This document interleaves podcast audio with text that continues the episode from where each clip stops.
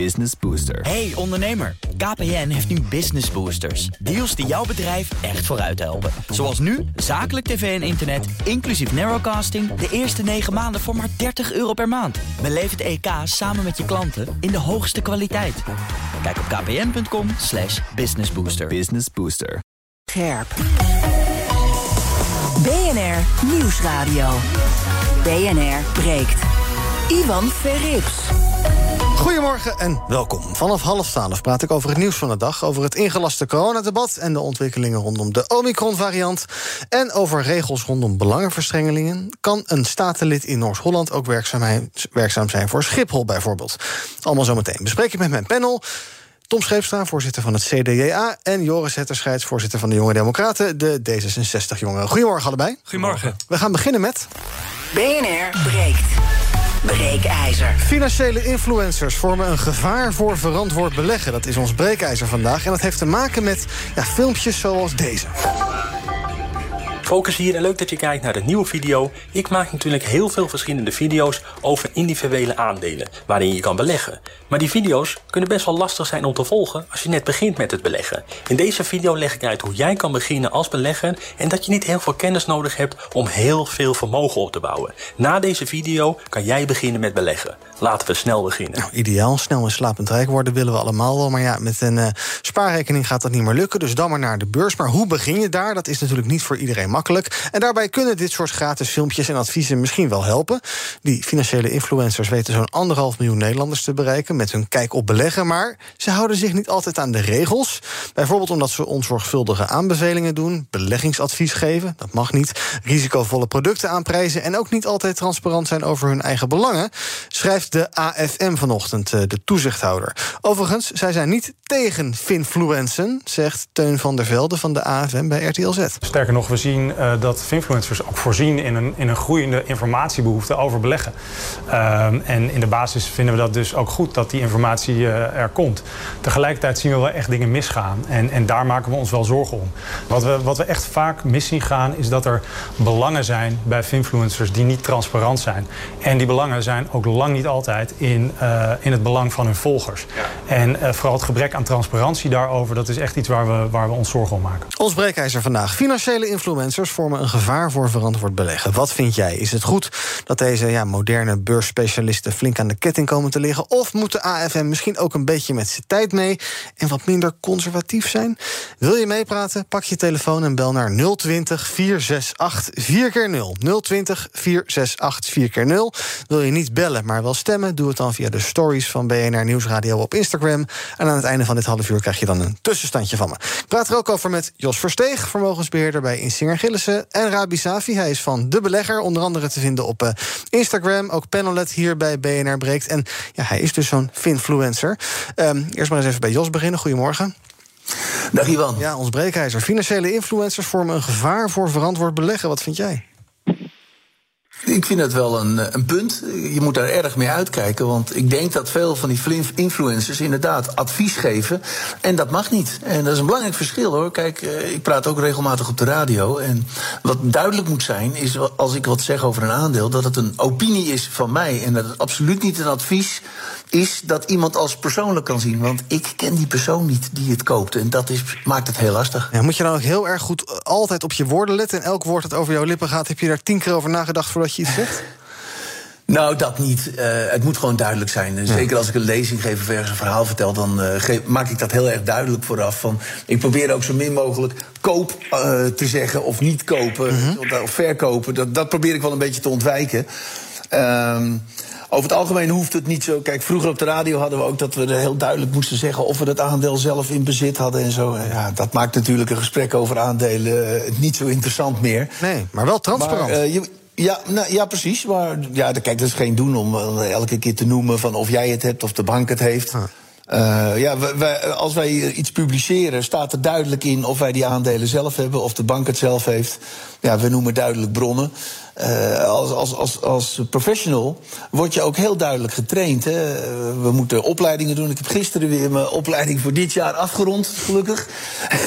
dus uh, ja, daar ben je altijd wel blij om. Want het is toch een behoorlijke dosis informatie die je moet verwerken. Waar je examen over moet doen elk jaar. En dan steekt het toch wel eens als mensen, uh, ja, zeg maar de beunhazen, maar het een en ander raak roepen. Ja. Op internet of op, of op de radio. En met beunhazen bedoel je toch niet iedereen die op YouTube zit nee, en Nee, precies. Okay, okay. Maar het is, het is denk ik voor particulieren moeilijk te onderscheiden wie nou echt uh, verstand van zaken heeft en wie helemaal niet verstand van zaken, wie maar een beetje wat loopt te roepen. Rabi van de belegger. Financiële influencers vormen een gevaar voor verantwoord beleggen. Nou, zeg het maar.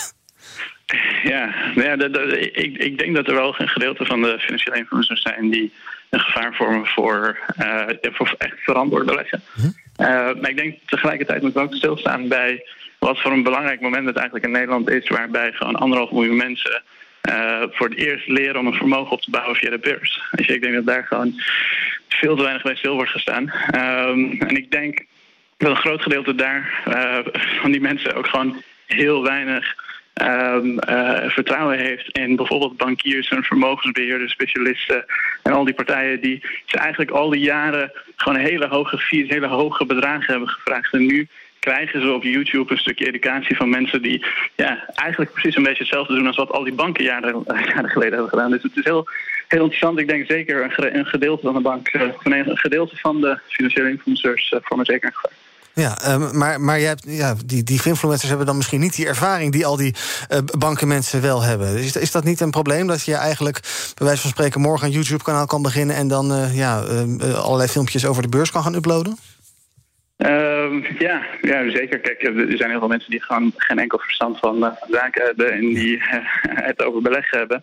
Ik denk aan de ene kant is dat uh, natuurlijk vervelend. En zeker als je, uh, wat uh, die meneer net zei, als vermogensbeheerder, als je gewoon heel veel opleiding hebt gedaan, je weet gewoon heel veel over de beurs. En morgen staat de knul van 19 op en die zegt: koop Tesla. En Tesla gaat weer 10. Ja, dan, dan kan ik me voorstellen dat je denkt: van jeetje, maar waar mag dat? Ja. Maar ik denk wat de AFM vandaag doet, is iets wat ik ook de afgelopen tijd ontzettend heb en proberen te doen. Ik, ik zie mezelf dan niet echt als een influencer, maar meer als een journalist.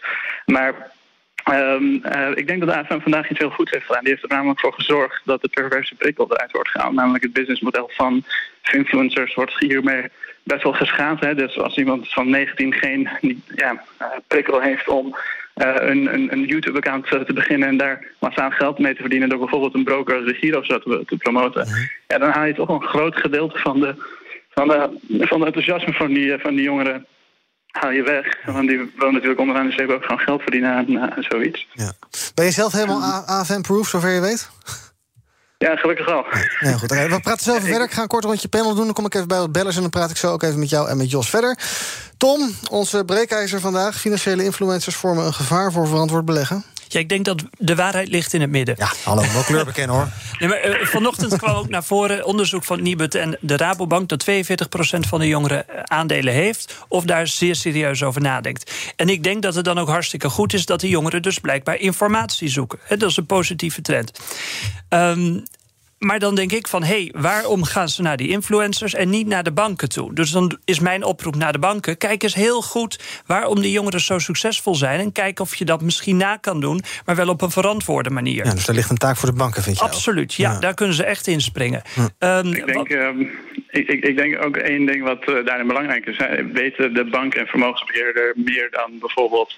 Uh, andere partijen. Want er zijn ook heel veel wetenschappelijke studies gedaan waarbij heel duidelijk is aangetoond dat bijvoorbeeld omdat je een studie of iets dergelijks in het beleggen gedaan hebt, of omdat je een vermogensbeheerder bent en dergelijke, dus niet per se het beter doen dan gewoon simpelweg een wereldwijd gespreide ETF te kopen. Nou, Weet je wel? Voordat ik, uh, voordat, ik, voordat ik Joris aan het woord ga, het is nu zo vaak over vermogensbeheerders gegaan, nu moet ik Jos toch even de kans geven om zich te verweren. Ja, want hoe definieer je succesvol? Hè?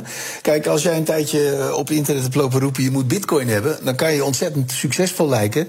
Maar op langere termijn kan dat wel eens heel erg misgaan. Dus ja, het ligt er natuurlijk ook aan hoeveel risico je neemt. Hè? En uh, ja, je kan dus heel succesvol heel hoog rendement hebben. Maar als je daarbij gigantische risico's neemt, kom je er vanzelf wel een keer achter hoe, hoe verstandig dat was. Ja, ben je het wel eens Dus met Tom? natuurlijk ook. Sorry? Ben je het wel eens met Tom dat er echt een taak ligt ook hier voor de, ja, laat maar even zeggen, de, de, de, de, de, de oude adviseurs, misschien de mensen zoals jij, de vermogensbeheerders, de banken, om ja, toch ook die jongeren te bereiken? Want ja, zo'n spaarbankboekje heb je geen Ja, zak meer aan. Ja. Nee, ik maak zelf ook filmpjes. Ik, bedoel, ik publiceer niet alleen sa- saaie rapporten, maar ik probeer het ook kort samen te vatten in een filmpje en dat eh, eh, te, pu- te publiceren. Dus je probeert op een andere manier aan, aan te spreken. Zo'n filmpje duurt twee minuten of zo. En dan, ja, dat kan mensen soms meer aanspreken. Niet alleen jongeren hoor, dat spreekt ook vaak oudere mensen aan. Joris? Ja, die, eh, wat Tom zegt, die banken kunnen best wel wat moderniseren. Maar die finfluencers moeten zich natuurlijk ook gewoon aan de regels gaan houden. Want die regels zijn er niet voor niks. Ik word ook allemaal doodgegooid van die stomme filmpjes... en van die debielen zoals eh, de Ryan Babels van deze wereld... die mij gaan adviseren waar ik mijn geld in moet investeren.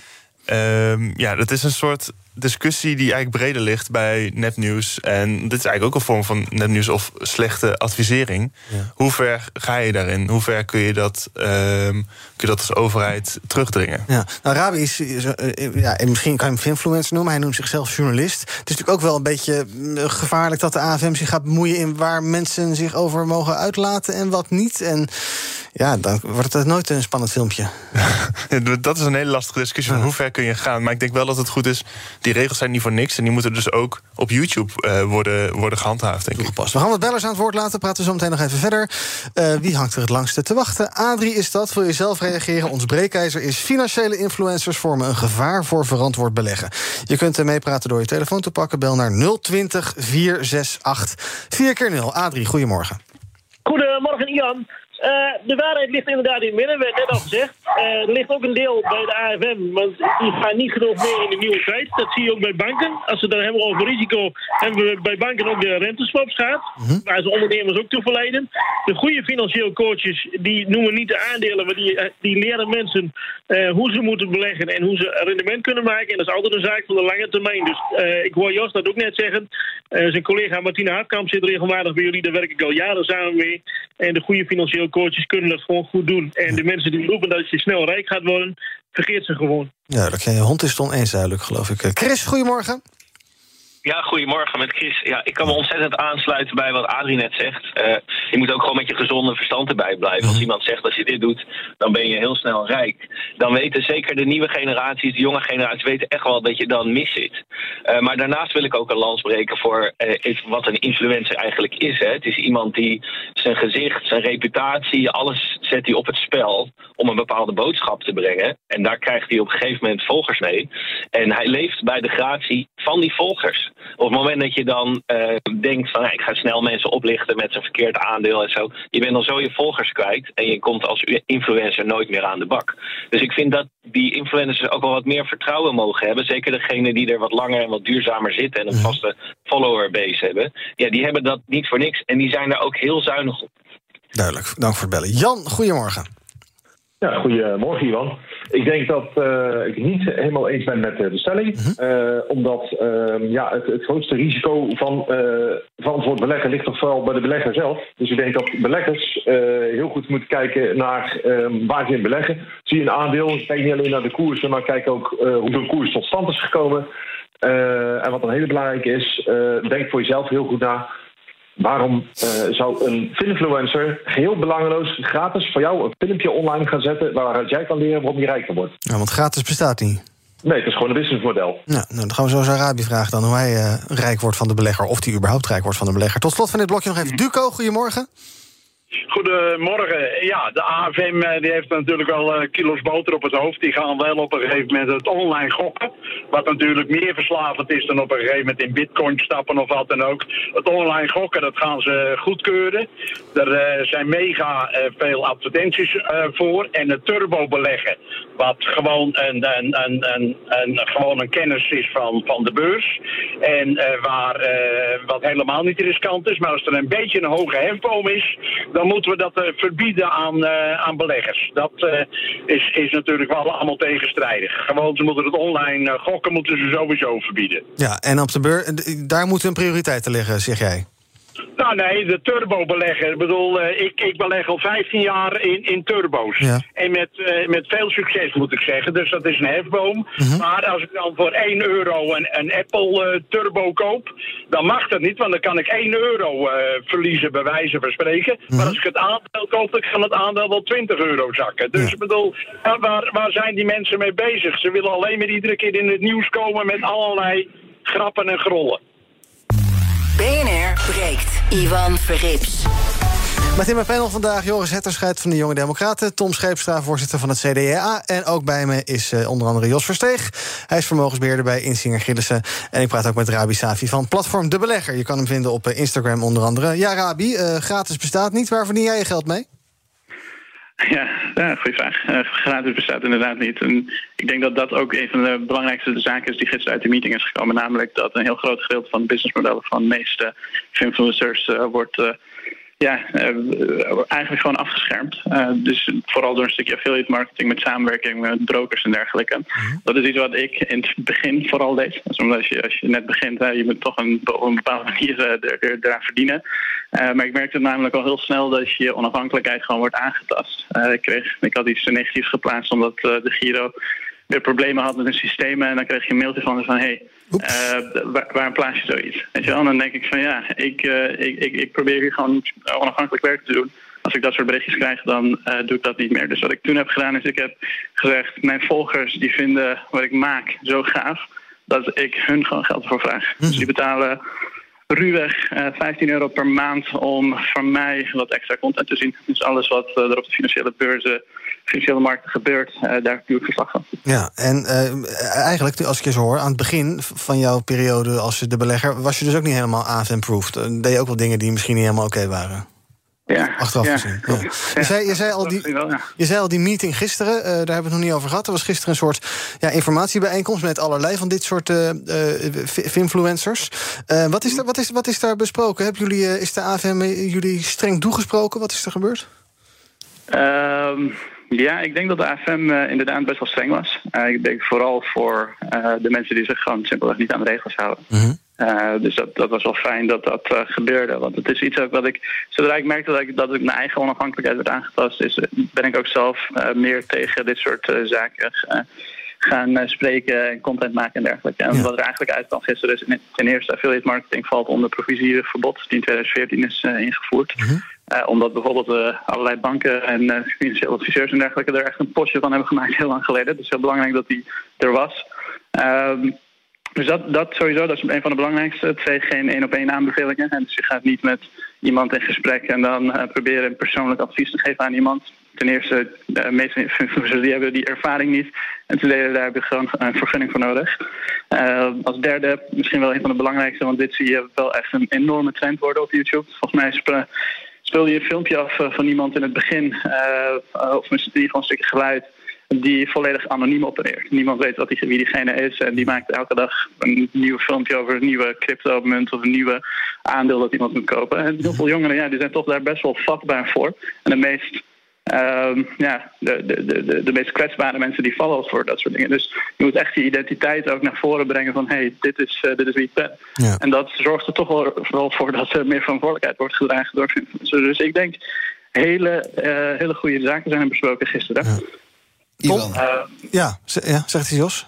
Ja, nou over dat model wil ik nog wel even wat aanvullen. Van, kijk, als je bijvoorbeeld op YouTube eh, uitzendt, dan word je uiteindelijk verdien je ook aan advertentieinkomsten. En dat leidt ertoe dat je natuurlijk hele spectaculaire verhalen gaat houden. Je gaat praten over aandelen die enorm riskant zijn, dus daarom hele hoge, heel hoog momentum hebben, hard stijgen.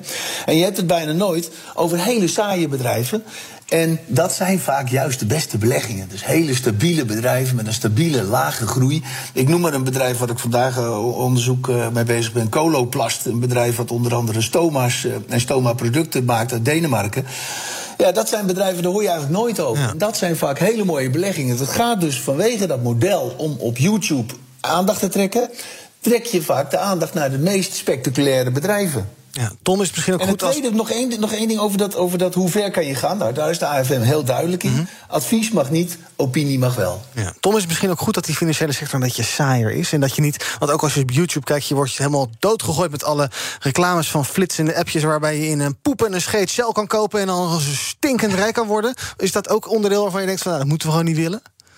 Ehm, nee, eh, het is best wel goed hè, dat het misschien iets saaier is. Kijk, als jongeren willen ehm, beleggen, dan ga ik ze absoluut niet tegenhouden. Maar de informatie van waarom ze dat doen, die moet wel juist zijn. En als we ook horen dat sommige influencers belangen hebben, dan denk ik van, oh, dit, gaat, dit is niet zuiver. En ik snap dan ook heel goed dat de AFM gaat optreden. En ik hoop dat ze dat ook volgend jaar blijven doen en dit in de gaten blijven houden. Ehm, dus ja, daar is wel een taak. Want dat was nog niet helemaal duidelijk. Hè, wat nou echt de gevolgen zijn eh, voor die influencers. Maar ze moeten zich aan de regels houden. Ja, nou, Rabi, die gevolgen lijken er niet echt heel erg te zijn, hè? Ehm, Nog ja, ik denk, ik denk nog niet. Maar eh, zoals ik het begrepen heb, is eh, als, je, als je iets doet wat niet volgens de regels is, dat we dat gewoon eh, eh, in de gaten houden, proactief. En dan krijg je een mailtje van zo'n berichtje of een belletje met een waarschuwing. En blijf je het doen, dan kan je op een uh, fikse boete rekenen. Jeff Keizers, goedemorgen. Hoi, goedemorgen met Jeff Keizer. Twee dingen. Eh, we hebben het nu alleen maar over influencers, maar sociale media staat natuurlijk vol met influencers met vaak heel veel volgers. En het zou eigenlijk ook moeten gaan over een Nederlands fotomodel die allerlei zaken roept over mensen zich niet te laten vaccineren en dan maar modder moet slikken of warme stenen op je buik moet leggen. Dat vind ik echt veel kwalijker, want dat kan mensenlevens kosten. En die influencers zijn in dat opzicht denk ik redelijk onschuldig. Het tweede, ik hoorde net iemand de, naam Ryan Babel noemen... in combinatie met het woord sukkel of, of, of flapdrol of wat dan ook. Ik vind het niet oké. En ik weet wel waar je op bedoelt. Ryan Babel geeft adviezen dat je vastgoed moet beleggen. En hij richt zich op een bepaalde doelgroep. Dat zijn ook kwetsbare jongeren... die wellicht nu besluiten om in het vastgoed te gaan... die niet in de drugshandel. Dit vind ik dus alleen maar een pluim waard. Ja, maar eh, daar, daar geldt natuurlijk ook voor dat er heel veel. eh, dat het veel genuanceerder is dan hij het waarschijnlijk vertelt. Eh, nou, eerlijk gezegd niet. Ik heb die filmpjes van Babel bekeken. En eh, zoals hij het vertelt, zo werkt het ook gewoon. Ik zie alleen niet een eh, jonge allochtoon met een lage opleiding zonder geld naar een bank stappen en daar al een financiering voor een stuk vastgoed krijgen. Dat is een ander verhaal.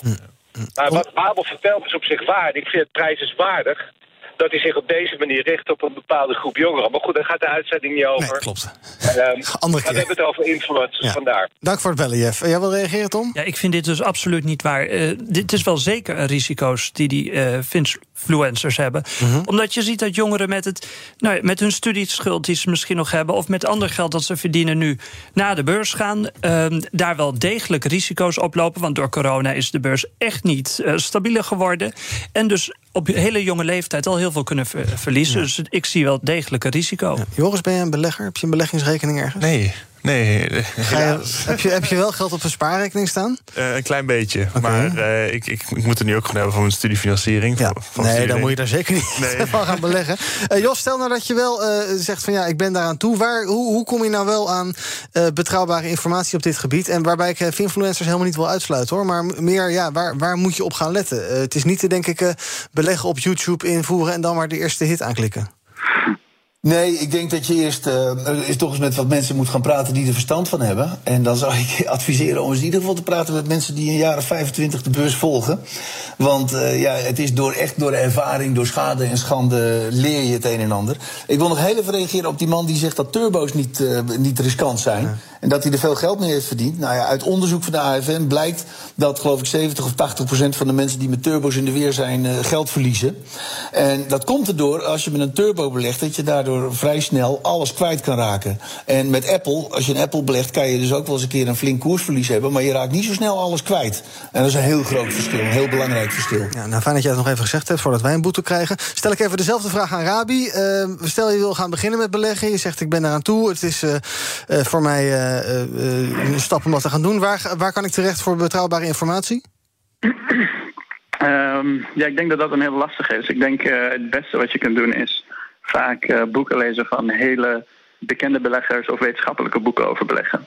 Ik denk dat iedereen die je gaat spreken, die gaat een heel eigen mening hebben. Want beleggen is gewoon zo belachelijk breed dat de ene die houdt van turbo's en die, heeft, die verdient daar zijn geld mee. De andere gebruikt opties, de andere koopt doodgewone aandelen, de andere koopt alleen ETF's. Uh, er gaat niemand zijn die onafhankelijk uh, advies zou kunnen geven. Het is vaak een mening van iemand wat voor hun heeft gewerkt of waar zij vooral in opgeleid of uh, verstand van hebben. Um, maar ik denk dat het allerbelangrijkste is gewoon echt een wetenschappelijk artikel lezen. Bijvoorbeeld wat ik net zei over het feit dat de meeste vermogensbeheerders, mensen die er verstand van lijken te hebben, vaak beter, slechter, beter of slechter presteren dan bijvoorbeeld een aap. Daar is gewoon onderzoek naar gedaan, weet je wel.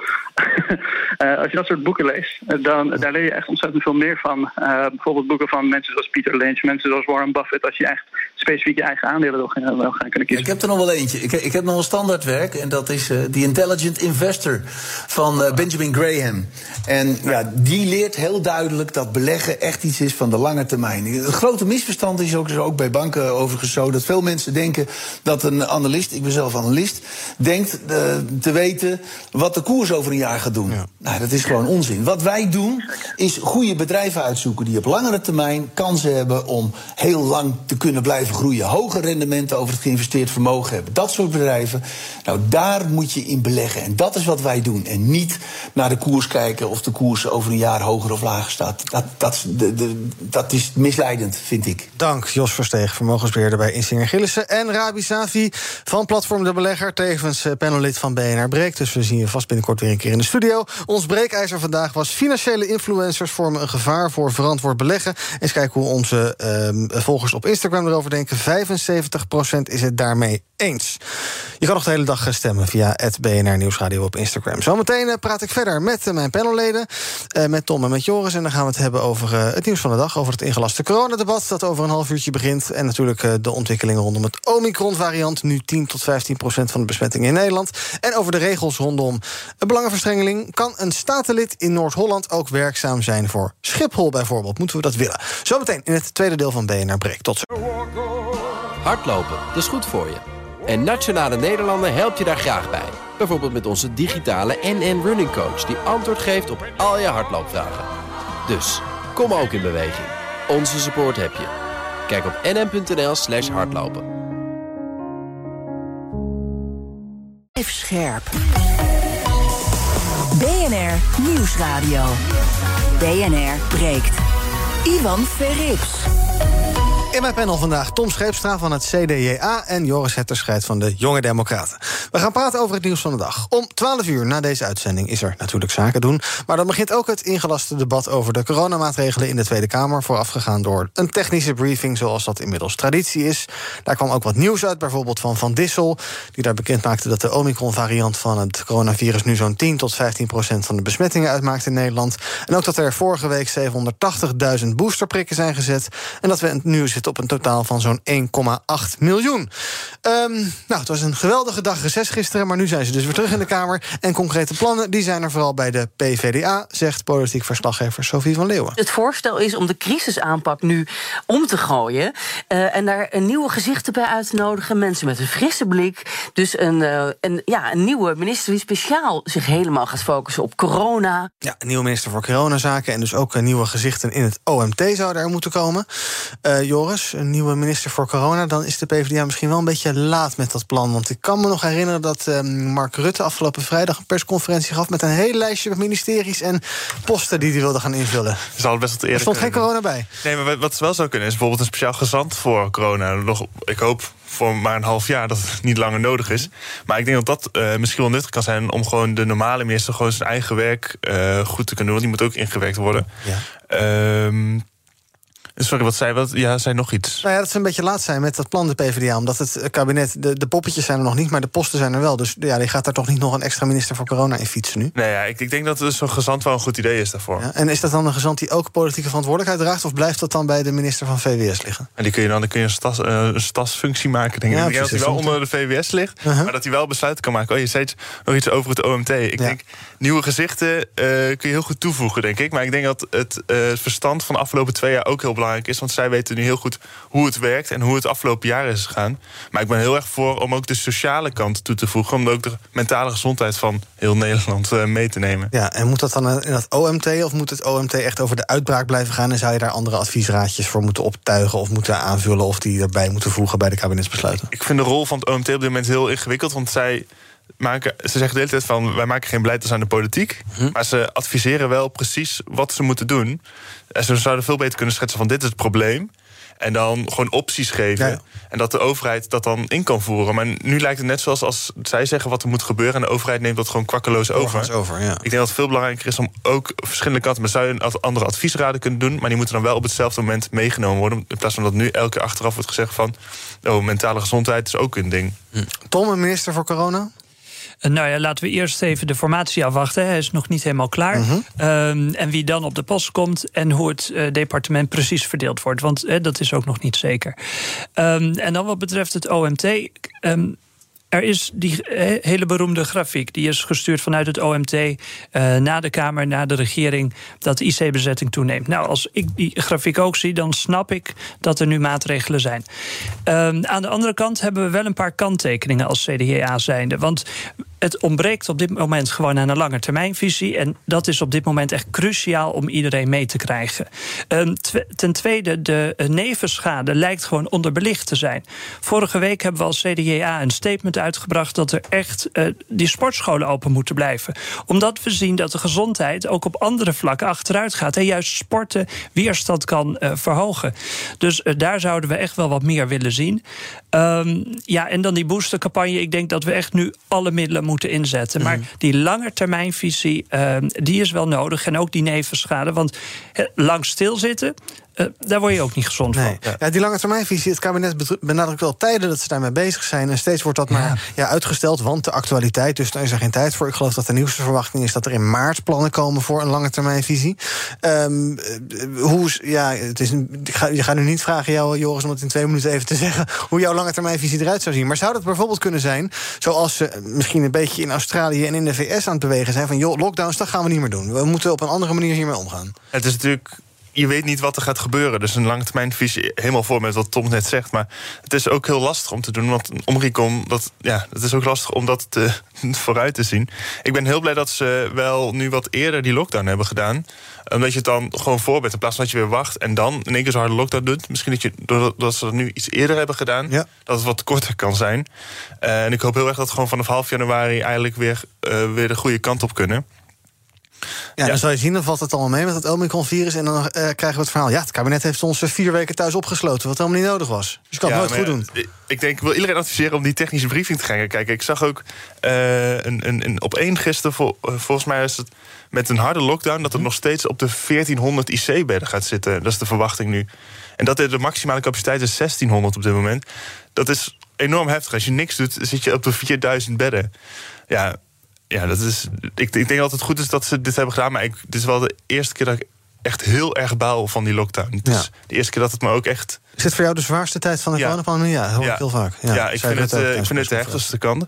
Maar ik denk in de toekomst dat we ook moeten gaan praten over de afweging die we maken op de IC-bed. Ik zag gisteren bij op een iemand eh, die heeft een eh, aneurysma, dus een verwijde, verwijde eh, aorta. Ehm, en die staat eigenlijk op knap op dit moment. Ehm, ja, wat voor mij, bij ons in de familie is een aneurysma een, eh, een aandoening wat in de familie heel erg zit. En ik, ik moet er niet aan denken dat ik of mijn vader eh, dat heeft. En dan niet op een IC-bed kan rekenen omdat eh er vol ligt met corona. En waar- waarvan ook een groot deel ongevaccineerd. Eh, laten we het ook nog even kort over het economisch aspect hebben. Vanochtend maakt het kabinet bekend dat ze de steunregelingen flink gaan uitbreiden voor ondernemers. Althans, flink. Er is zo'n 500 nog wat miljoen mee gemoeid. Dat is in deze tijd opeens weer niet zoveel. Maar eh, de NOW wordt eh, eh, uitgebreid van, eh, 9, van 80% naar 90%. En bedrijven komen sneller in aanmerking voor de TVL, de tegemoetkoming vaste lasten. Wat er niet komt en waar wel om was gevraagd, was om die voorraadvergoeding. voor bijvoorbeeld horecazaken die nu met ja, kerstvoorraden zitten. Ik hoorde gisteren een voorbeeld van iemand die had een kilo caviar a 800 euro ingekocht. Nou, tegen elk aannemelijk bod af te halen. Je kan je tanden ermee gaan poetsen misschien. Ehm, ook eh, modegevoelige kleding en dergelijke. Ehm, Tom, in deze tijd, dit had niemand kunnen verwachten. Moet je ook dit soort regelingen weer terug gaan brengen... en eigenlijk, ja, bij wijze van spreken, 100% van alles gaan vergoeden? Want eh, dit kan je ondernemers toch niet aandoen? Of zit hier toch ook een stukje ondernemersrisico in? Is het een soort gedeeld leed? Eh, be- beide. Aan de ene kant, eh, dit hadden we niet zien aankomen. Maar toch leven we ook in corona en zijn tijden onzeker. Um, waar ik mij toch wel aan stoor, is dat de regering pas nu weer, na die persconferentie, zegt van nou, we gaan de maatregelen uh, toch wat verbeteren. En dan denk ik van dit is juist zoiets van die langetermijnvisie, waar we gewoon scenario's moeten hebben van als we nu in een lockdown gaan, dan gaan we zo compenseren. Dat is allemaal voor te bereiden. Hetzelfde als met die boostercampagne. Ik denk dat we kunnen concluderen dat die te traag uh, opkomt. Nou gaat al bezig, hè, dus compliment ook aan de minister, maar dat, gaat, uh, dat is toch wel timelijk laat. Dat um, de premier Rutte een vraag krijgt uh, bij de persconferentie van ja, waarom moeten de supermarkten om vijf uur dicht of om acht uur dicht en niet om tien uur? En hij zegt van ja, maar dat hebben we altijd zo gedaan. Dan denk ik, ook daar gaat weer iets mis in de communicatie. Ook dat had allemaal voorbereid kunnen worden. Um, dus zo zijn er nog wel een aantal punten waarvan ik denk van nou, kom op. Um, net wat meer voorbereiden. Ik snap dat het hartstikke moeilijk is, maar neem anders als Rijksoverheid wat extra mensen aan. Want we moeten nu ervoor zorgen dat we zij aan zij staan, iedereen meekrijgen en een soort van gevoel krijgen van ja, we moeten nog één keer deze coronapandemie door, maar we gaan dit samen doen als hele land. Verbindend. Nou, exact. Dat hebben we nodig. Ik zie het vuur in je loskomen. Ja, maar dit is zo cruciaal. Want je ziet gewoon de mensen. Joris zegt het ook al. Dit is de moeilijkste tijd van dit jaar. En Ervaar je het zelf ook zo van die hele pandemie dat dit de kloterigste tijd is? Ja, juist. kerst is het teken van hoop. Uh, en nu moeten we weer in. Het wel heel erg CDA. Ja, nee, maar, uh, maar goed. Dus het, we moeten juist nu daarvoor zorgen dat we iedereen meekrijgen. Even afkoelen. BNR breekt. Thomas, het is weer zover. Iwan, je staat niet, niet, naast nee, mij. Ook de microfoon is ook echt weg, zie ik nu pas. Ja, Jeetje. Ja, anders dan had ik uh, mijn kans wel gegrepen, denk ja, ik. Nee, de afgelopen maanden stonden we, stond je altijd bij mij in de studio. Dan kon je vertellen wat je om 12 uur gaat doen en zaken doen. Maar uh, ja, de maatregelen blijkbaar... Nee, dat kan niet, want Nee, er zijn geen microfoons vrij. Nee, maar ik ga wel vertellen wat ik ga doen. Nou, vertel maar. praten met Simon Sipma. Hij is de bestuursvoorzitter van de Sociale Verzekeringsbank. En over mensen aantrekken gesproken, ook om uh, zaken goed te regelen. Daar hebben ze bij de Sociale Verzekeringsbank ook nog wel wat wensen voor. Want er moet natuurlijk van alles worden uitgevoerd aan regelgeving. De Kamer heeft daar ook een eigen commissie voor in het leven geroepen. Hoe complex dat is en hoe vaak het fout gaat. Dus de dienstverlening van die uitvoeringsorganisatie, zoals ook de Sociale Verzekeringsbank, die moet beter. En of dat een kwestie is van meer personeel, andere regels of meer geld, of misschien wel allemaal, dat hoor je zo meteen in BNR Zaken doen. Ik praat ook met iemand die de directeur is van een uh, groot windmolenproject. 26 agrarische ondernemers hebben zich daarin verenigd, omdat het lucratieve business is, maar niet iedereen staat erbij uh, bij Onder andere, zoals je zult verwachten, de uh, om, omwonende omgeving denkt daar toch het uh, zijnde van. Dus dat bespreek ik. En uh, bol.com heeft een pakketbezorger overgenomen, Cycloon, van de fietsen. wat daarachter zit en of het echt een deuk in een pakje boter slaat. Want heel groot moeten die pakketjes natuurlijk niet worden als je op de fiets bent. Dat hoor je zo meteen van de, de directeur die verantwoordelijk is voor logistiek en operatie van bol.com. Over 13 minuten dus, yes. hier bij BNR Zaken doen. BNR breekt. Nieuws van BNR van vanochtend. De regels voor belangenverstrengeling en integriteit voor leden van de provinciale staten moeten strenger. De huidige regelgeving voldoet niet. En uh, ja, er is in ieder geval bekend van drie statenleden dat er duidelijk een risico is op belangenverstrengeling. Iemand die een hoofdlobbyist is van KLM en tegelijkertijd in de provinciale staten van Noord-Holland zit bij de grootste partij die ook nog de gedeputeerde levert, vind ik wat moeilijk. Omdat het dan toch heel moeilijk is om duidelijk te maken van hoe vermijd ik de schijn van belangenverstrengeling. Ja, allerlei deskundigen die zeggen tegen BNR van ja, dat is toch niet zo goed wat daar gebeurt. Een van die voorbeelden dus, die VVD'er die uh, lid is van de Provinciale Staten in Noord-Holland en ook een baan heeft als Director Public Affairs bij KLM. Ja, dat houdt dan dus in dat een statenlid lobbyt voor een luchtvaartmaatschappij. Is dit nou op of over het randje?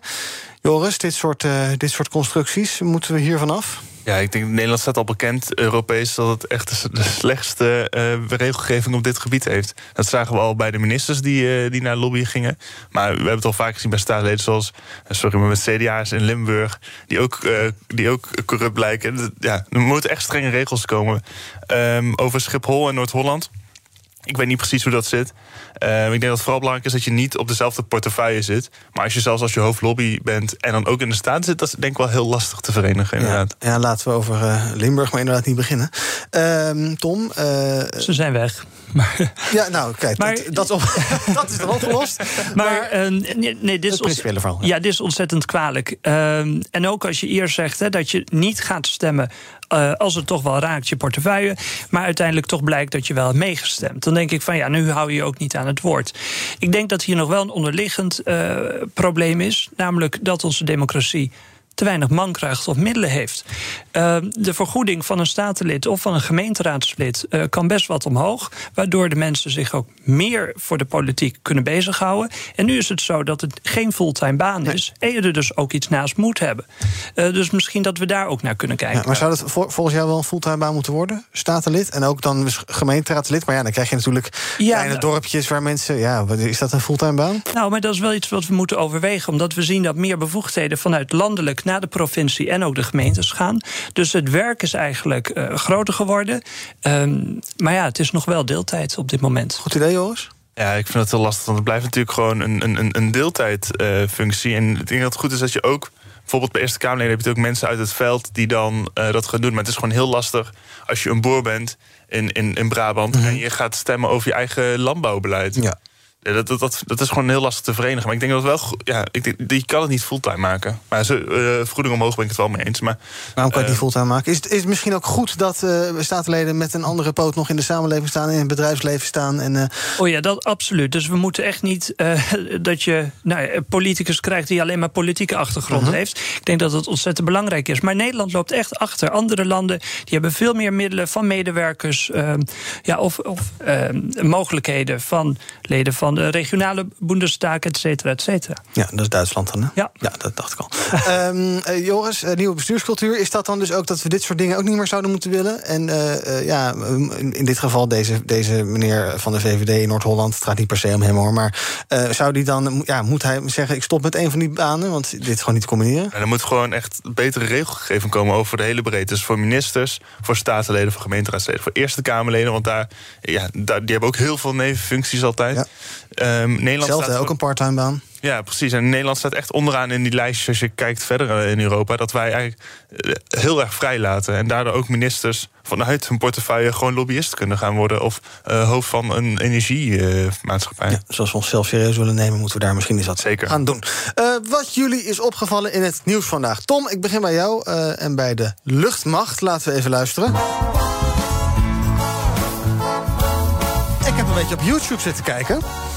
Best leuk, het muziekkorps van de Koninklijke Luchtmacht. Maar ja. zij gaan nu van fluit naar spuit, vertel. Nou, precies. En ik had het net al over dat verbindende... van we moeten het samen doen, uh, met z'n allen nog even deze moeilijke periode door. En ik vond dit wel een heel mooi voorbeeld. De, het orkest van de luchtmacht gaat nu ook meehelpen uh, prikken. Nou, laten we hier blij mee zijn, trots op zijn uh, en hoop houden. Maar dan kunnen ze niet meer spelen als ze prikken. Nee, maar dat is juist het punt. Hè. Nu worden alle ceremonies afgelast vanwege corona. Ja. dus ze hadden ook tijd over. Ja, het gaat om 25 mensen, geloof ik. Dat is natuurlijk een, een druppel op een uh, gloeiende plaat. Maar al die druppels maken wel een grote. Ja, dus laat ze symbool zijn voor iets groters. Mm -hmm. Ja. Zou je zelf mee willen prikken? Uh, nou, ik heb prikangst. Uh, dus dat ik, moeten we dan ja. niet gaan doen. Ja.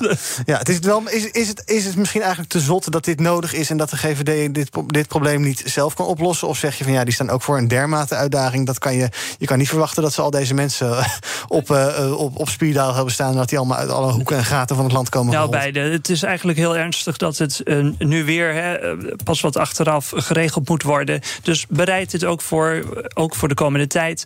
Maar... Um, nee, laten we trots zijn dat ze zich nu inzetten. Uh, Joris, jij wil het hebben over het Gomaris. Ja. De scholengemeenschap. Dat was een tijdje geleden in het nieuws. Dat had te maken met uh, uh, homoseksuele jongeren die daar, nou, ik zeg maar even mijn woorden, niet welkom zijn. Ja. Um, maar er is nu weer nieuws over. Wat is er aan de hand? Ja, dus eerst was het uh, bekend dat inderdaad jongeren bij, uit de kast werden geduwd. dat ze gesprek moesten hebben met hun ouders als ze eventueel gevoelens zouden hebben voor hetzelfde geslacht. En nu blijkt dus dat leraren uh, moet, moeten verklikken als een leerling of een collega uh, die gevoelens heeft of iets ermee wil doen. Oh, de homo-kliklijn. Ja, en dat, oh. is, ja, dat vind ik echt dat vind ik echt verschrikkelijk. Ik vind het heel erg.